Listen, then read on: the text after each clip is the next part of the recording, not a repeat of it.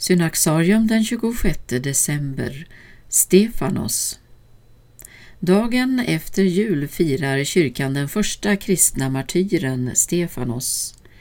Det kan tyckas märkligt att den andra juldagen inte har med julen att göra, men i själva verket finns en visdom i att en stor martyrfest firas i direkt anslutning till julen. Därmed understryks sambandet mellan inkarnationen och martyriet. När vi i gudstjänsten ihågkommer hur Stefanos gav sitt blod firar vi evangeliets paradox. Guds son föddes och dog för att ge världen liv. I en av antifonerna denna dag sjunger kyrkan Igår blev Kristus född på jorden för att Stefanos idag skulle födas i himlen. Vi påminns om att barnet som ligger i krubban är både den hörnsten och den stötesten som Bibeln talar om, men också att den som väljer att följa och älska Kristus av fri vilja avstår sitt liv ända till döden. Stefanos tillhörde den första kristna församlingen i Jerusalem. Han var en av de grekisktalande judarna från diasporan. Liksom flera av sina vänner anklagades Stefanos för att ha en omstörtande attityd gentemot Toran och templet. När han svarade sina anklagare talade den helige Ande genom honom.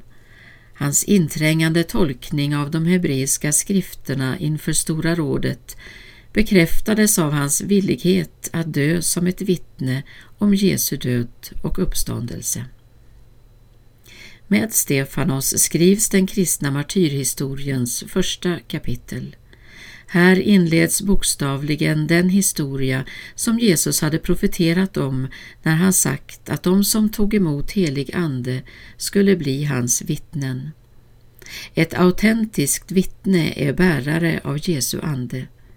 Vittnet är någon i vilken Kristus har förkroppsligats och måste därför räkna med att få dela Jesu öde genom att bli lik honom i en död som hans. Dessa ord uppfylls bokstavligen när Stefanos i dödsögonblicket utropar Herre, ställ dem inte till svars för denna synd. Genom Andens kraft fick Stefanos nåd att efterlikna sin Herre. I sin dödsstund bad han Gud förlåta hans bödlar och visade därmed att en sann martyr inte är en martyr mot någon eller något utan en som ger sitt liv för att alla människor ska kunna ta emot evangeliet. I den unga kyrkan kom blodsmartyriet att liknas vid en kröning.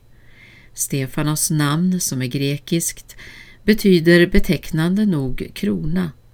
Han var den första som kröntes med martyriets krona, förstlingsvittnet i martyrernas stora skara vars blod skulle bli evangeliets utsäde.